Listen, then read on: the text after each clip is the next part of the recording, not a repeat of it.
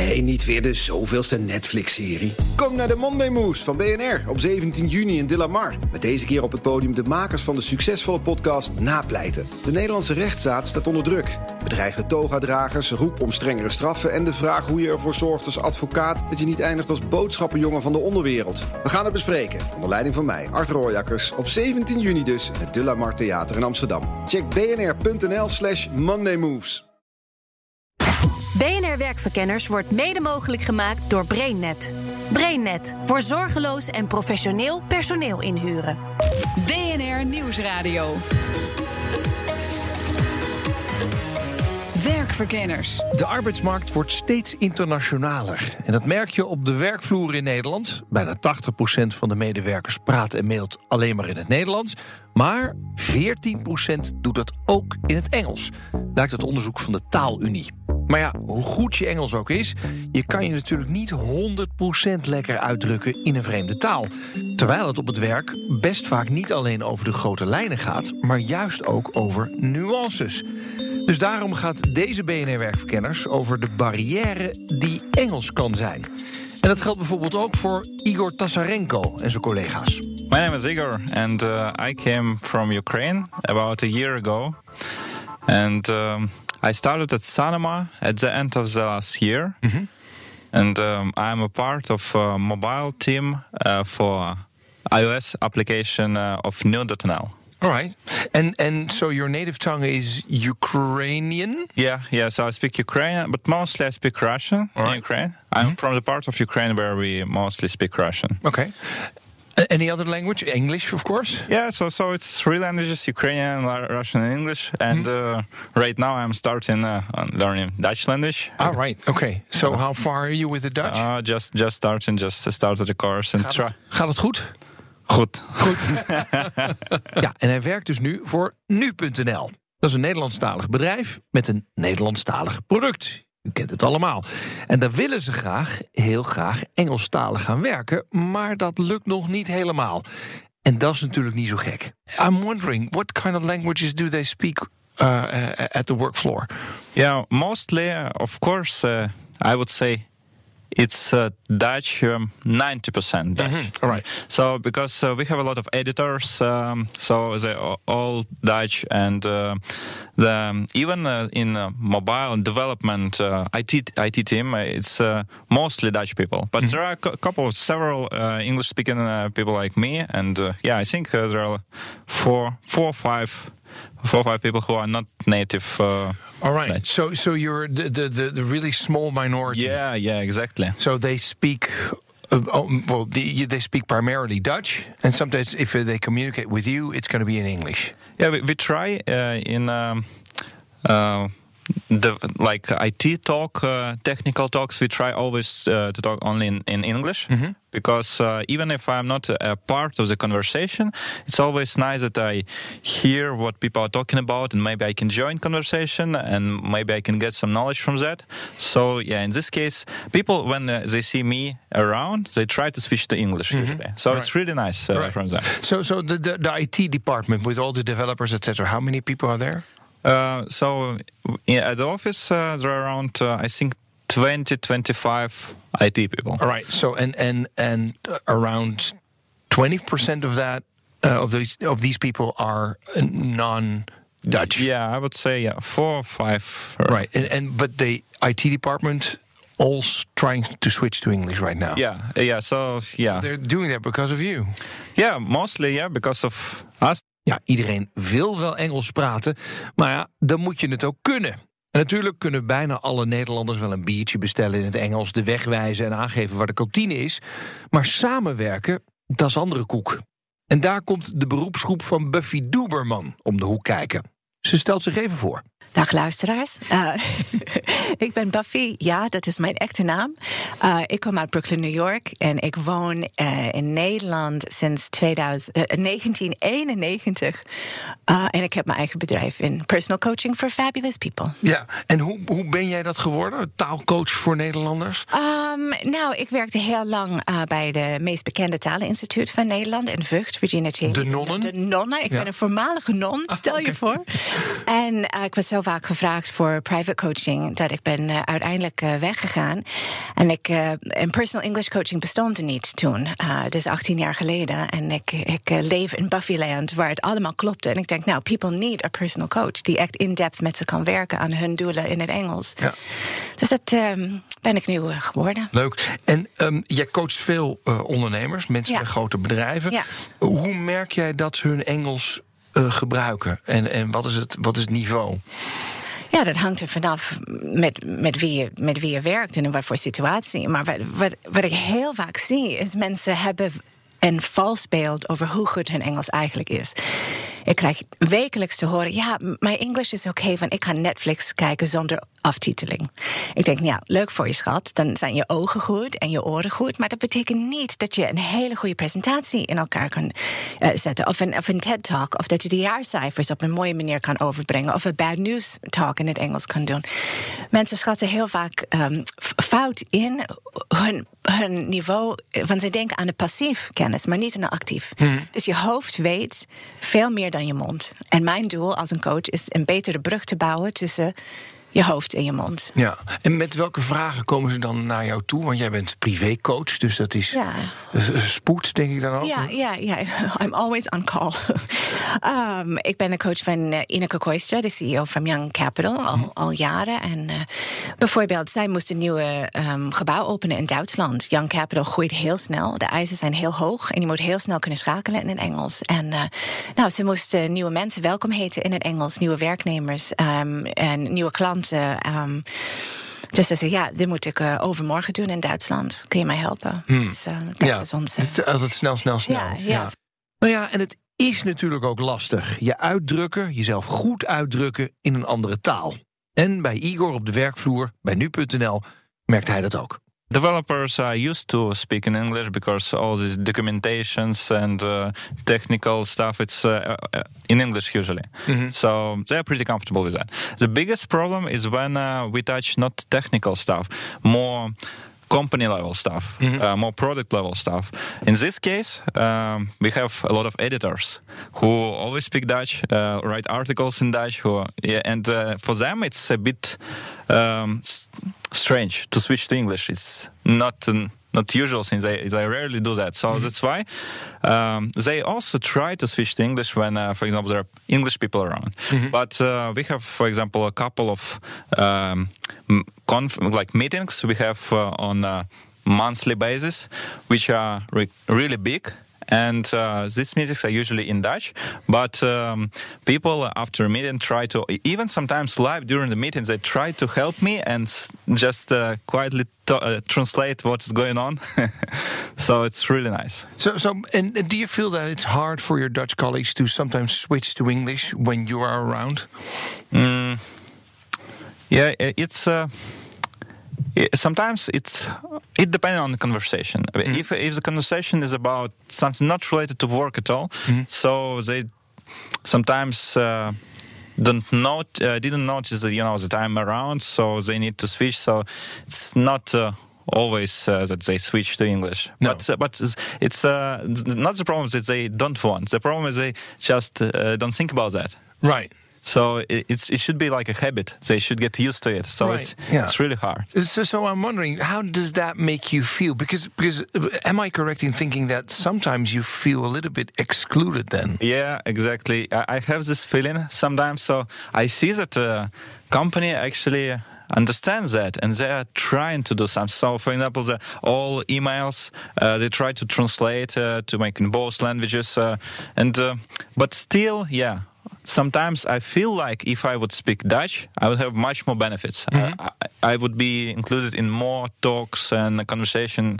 So yeah, I, there is this feeling that I'm a bit excluded. But to be honest, I don't think that uh, the company can get rid of this uh, completely. Be- because they're so Dutch. Yeah, yeah, yeah. if, uh, if, if it was uh, at least 50-50, mm-hmm. maybe it would be much easier. But we are such a minority. Ja, de worsteling van bedrijven die van het Nederlands naar het Engels moeten... ja, dat ziet Buffy ook wel. Maar de argumenten om het dan maar niet te doen... die veegt ze meteen resoluut van tafel. Deze uitzending gaat over um, de Engelse taal eh, op het werk. Ja. En wat je veel ziet is dat bedrijven 90% Nederlanders hebben... Ja. en dan 10% mensen Ja. die, die, een, die niet Nederlands als eerste taal hebben. En daar zie je die worsteling heel erg. Van ja, gaan we nou Zeker. alles in het Engels doen... of een beetje in het Engels doen of wat dan? Wat zie jij langskomen? Ja, ik zie inderdaad dat worsteling. En dan mensen zeggen: ja, als we een vergadering hebben met 26 Nederlanders en één iemand uit Zweden, moeten we. En I'm like: yes, je moet echt overgaan naar. Want, want hoe zou die één voelen? Het gaat over de cultuur en respect. Stel je voor dat jij bent de enige Nederlander in een groep van anderstaligen. En dan ze spreken allemaal Nederlands, maar ze zeggen: ja, alleen maar voor jou moeten we. de- It's an, we need to create an inclusive society. Dit is waar. ehm, Maar? Maar. Oké. is, ik zeg, doe het heel Nederland. Let's dat is waar, maar. ehm, eh, eh, eh, nu kunnen 26 mensen zich goed uitdrukken en hun emoties 100% overbrengen op Ja. de ander. En anders gaan wij. eh, en één iemand niet. Ja. En anders kunnen. eh, eh, 26 mensen zich niet helemaal 100% uitdrukken. Well, then don't have him at the meeting. Klaar. Waarom heb je hem uitgenodigd naar, naar een meeting dan, weet je wel? Als je mensen aanneemt Ja. in een bedrijf die niet um, Nederlands kunnen... je moet ze de kans geven om Nederlands te leren. Maar totdat dat niveau bereikt is... Ja. Then don't hire them. It's that easy. If you have international ambitions, you gotta play the game. No one ever scores from the sidelines. Zometeen in BNR Werkverkenners gaan we nog een stapje verder. Wat als je met collega's werkt die geen enkele taal van jou kunnen verstaan? Tot zo. BNR Nieuwsradio. BNR Werkverkenners. Deze werkverkenners gaat over de barrière die Engels kan zijn op de werkvloer. De arbeidsmarkt internationaliseert en dat merk je in e-mailconversaties en brainstorms. Het moet steeds vaker in het Engels. Net hoorde je al wel welke worsteling dat kan betekenen. Maar we gaan nu een stapje verder met promovendus Daan Hovens. Hij doet onderzoek naar werkplekken waar mensen elkaar helemaal niet kunnen verstaan. Waar geen enkele taal overeenkomt. Mijn onderzoek gaat eh, over meertaligheid in eh, zogenaamde blue-collar werkplaatsen in het eh, grensgebied van Limburg en Duitsland. En blue-collar werkplaatsen, dat wil dan zeggen plekken waar eh laaggeschoold werk wordt gedaan in bijvoorbeeld de industrie, logistiek, eh, landbouw. Oh ja, en wat voor talen worden daar allemaal gesproken? Eh, nou, een heleboel. Eh, nou ja, natuurlijk eh, in, de, in de grensregio heb je dus natuurlijk de Limburgse dialecten en het Nederlands en het Duits. Eh, maar ja, wat natuurlijk ook kenmerkend is voor zulke plekken, dat er veel arbeidsmigranten werken.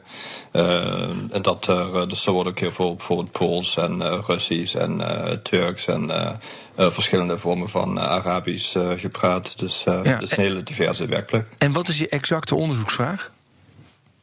Eh, dus hoe eh, er in het bedrijf en hoe de mensen zelf met, alle, eh, met al die taalvariatie omgaan in het dagelijks leven.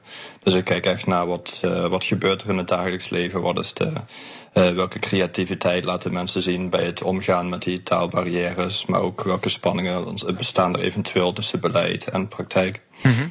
En wat, wat merk je op die werkplaatsen waar dus Pools, eh, eh, Arabisch, eh, Nederlands, Duits, Limburgs dialect door elkaar gepraat wordt? Ja, dus dat het.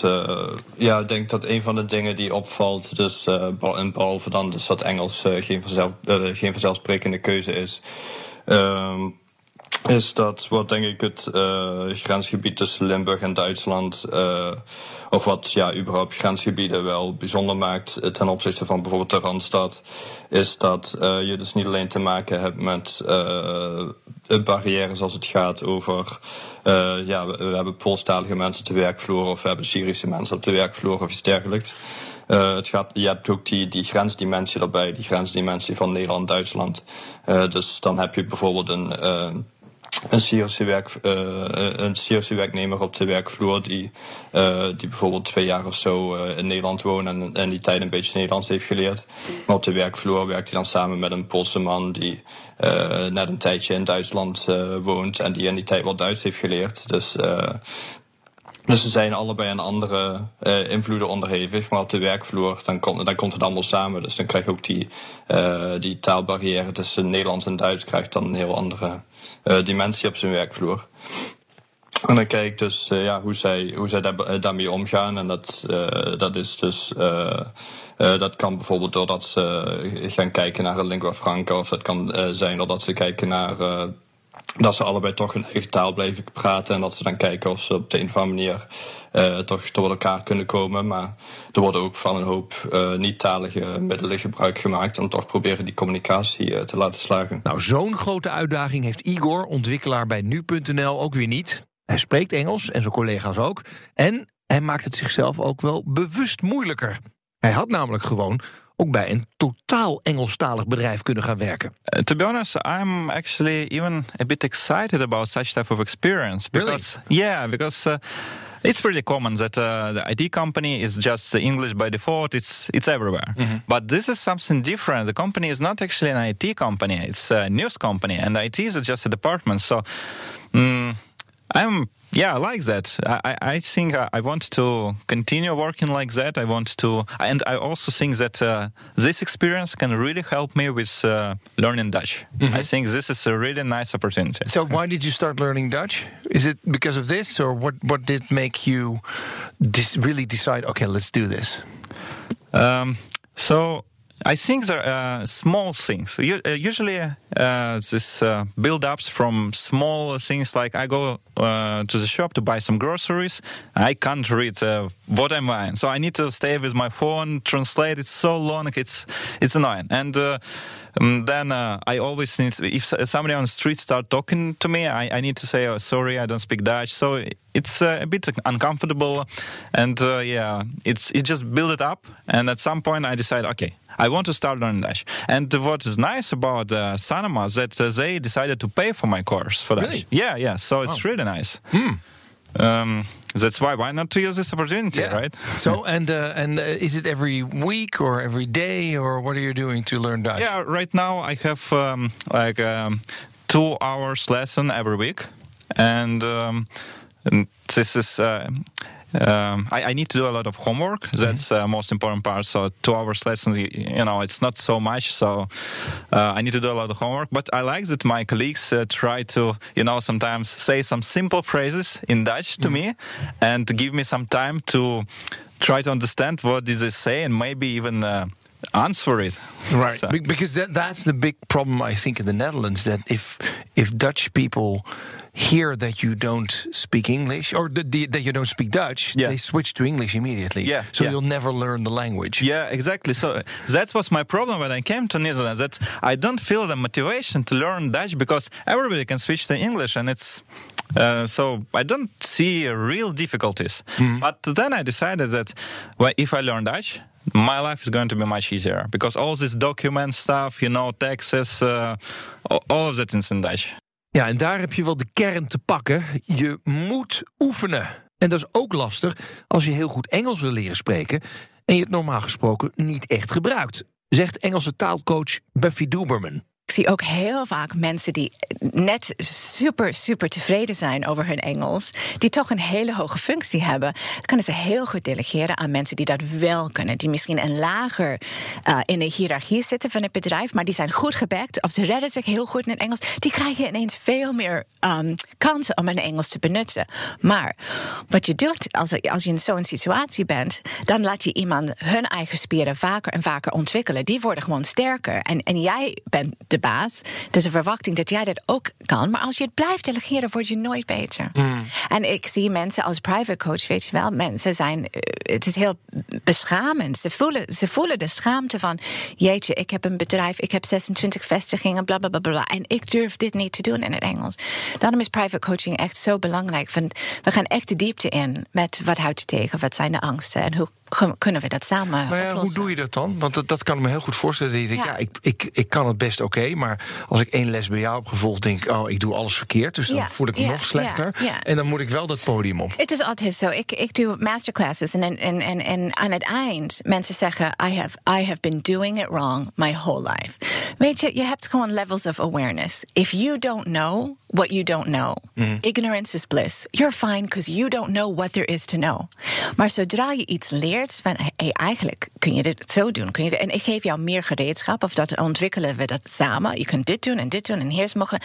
Dan gaat ineens zoveel deuren open in je hoofd die altijd dicht waren. En denk je, ik ben nieuw verdwaald in mijn eigen hoofd. In lab, je hebt net een soort doolhof gemaakt in mijn hoofd. Ja. En ik had alleen maar één ingang. Maar nu, oh my god, I'm, I'm, I'm lost. Maar als je, als je ik, ik, ik heb het zelf eh, meegemaakt, weet je. Ik ben een ervaringsdeskundige omdat ik het in het Nederlands heb. Dus everything, alles wat mijn klanten hebben in het Engels, heb ik in het Nederlands. Ik spreek nooit Nederlands, zoals je nu kan horen. Thuis niet, ehm, voor mijn werk ook niet. Dus ik moest heel hard werken om een niveau te, te, krijgen. En ik vind, je moet jouw gevoel ontwikkelen. Dus als je gevoel niet klopt, moet je het eerst leren met je hoofd. Intellectual, analytic procedures. En dan daarna bouw je je gevoel op. Maar uiteindelijk wordt je gevoel tien keer sterker, omdat je weet dat het klopt. Nu spreken mensen en ze denken, nou, dit is, ik, ik zeg dit omdat het mijn eerste keuze is. Maar je eerste keuze is heel vaak niet de beste keuze. Je kiest woorden in je comfortzone. Je, blijft, eh, eh, je blijft in hetzelfde vijver vissen. En dan is het uiteindelijk heel saai voor je luisterers en je lezers. En heel saai voor jou. Ja. En je mist heel veel nuances. Ja. Nou, laten we daar even op inzoomen. Oké, Ehm, ik hoorde iemand zeggen, let's double click on that. love it. Ja, love goed? it. Ja, Or mooi. let's put a pin on it, Oh, in it and come back to it later. Ja, That's also maar- good. dat let's unpack that. Ja, dat- Yeah. Dat is interessant, hè? Dus, oké, je hebt in het Engels Ja. heb je heel veel verschillende manieren van zeggen, zoals je dat in het Nederlands ja, ook hebt. Ja, ja. Hoe zorg je ervoor dat je niet altijd bij dat dingetje blijft wat je al vroeger hebt geleerd? So you have to be very active. It's use it or lose it. It's- it. Het zou nooit gebeuren dat nieuwe woorden naar je toe komen met hoi, wij zijn een nieuwe auto. Wil je ons gebruiken? Like, it's not, like let's get real. It's not going to happen. Dus je moet een manier vinden om it- making English part of your day in an active way. And that is not listening to, to podcasts. Dat is luister naar podcasts, maar daarna schrijf je erover. Of kies je vijf woorden uit, maak je vijf zinnen. Of met mijn klanten heb ik gewoon iedere dag beginnen ze met een mindmap of een wordtree. Je moet actief zijn. Als je de kans hebt niet om te spreken die dag, moet je schrijven. Maar daar, daarnaast moet je ook feedback kri- krijgen. Want je kunt praten urenlang, maar als niemand zegt: ho, ho, dat, zo zeggen we het eigenlijk niet, dan is het weer ignorance is bliss. Like, ik blijf gewoon praten en ik denk: I'm doing fine. And then you find out the, the hard way. Oh my god, ik heb het verkeerd. Dus het is, het is, het is um, tweedelig. Dus actief zijn met, met um, spreken en, en, en schrijven, maar dan ook feedback krijgen. En feedback from people who know what they're talking about. Dat is ook iets. Heel vaak, een native speaker, we zijn heel beleefd. We gaan jou niet verbeteren. Als iemand ooit iets zegt van ja, eigenlijk, ja, dat klopt niet. Als ze dat durven, gaat nooit gebeuren. Maar stel je voor als iemand zegt, nou dat klopt niet. Dan natuurlijk wil je weten, oké, waarom klopt het niet? En dan zeggen ze altijd, it just doesn't sound right. They will never give you the grammatical theory. That's why grammar teachers are superheroes. Want wij kunnen echt binnenvliegen en zeggen: Oké, kijk eens naar deze tijdsbalk, kijk eens naar deze regels. Ah, nu, nu snap ik het. Ja. Maar heel vaak als je iets op gevoel doet, dan heb je die regels in je hoofd niet helder. En dan is jouw gevoel soms kl- klopt het niet. Ja. Dus dan heb je echt de theory nodig om doorheen te worstelen. Nou, dat brengt me aan het einde van deze uitzending van Werkverkenners... waarin je hoorde hoe belangrijk het is om niemand buiten te sluiten. Als je ook maar één collega binnen ziet lopen waarvan je weet... dat hij of zij het Nederlands niet verstaat, switch to English. En over je eigen ambitie. Je kunt dus samenwerken met collega's als je mekaars taal niet spreekt. Maar ja, als je ambitie een beetje hoger is... zul je er harder voor moeten werken om echt goed Engels te leren spreken. Tot zover BNR Werkverkenners voor deze week. Wil je nou de eerste zijn die deze uitzending volgende week ook hoort? Abonneer je dan op onze podcast. Dat kan via Spotify, iTunes of bnr.nl. En je kan natuurlijk ook gewoon lekker naar de radio luisteren. Dinsdagavond 7 uur. Tot de volgende keer. Dag. BNR Werkverkenners wordt mede mogelijk gemaakt door BrainNet. BrainNet voor zorgeloos en professioneel personeel inhuren. Ook Hugo Reitsma vind je in de BNR-app. Superhandig die BNR-app. Je kunt alle programma's live luisteren, breaking nieuwsmeldingen. Je blijft op de hoogte van het laatste zakelijke nieuws. En je vindt er alle BNR-podcasts, waaronder natuurlijk de belangrijkste, Boeken zijn in de wijk. Download nu de gratis BNR-app en blijf scherp.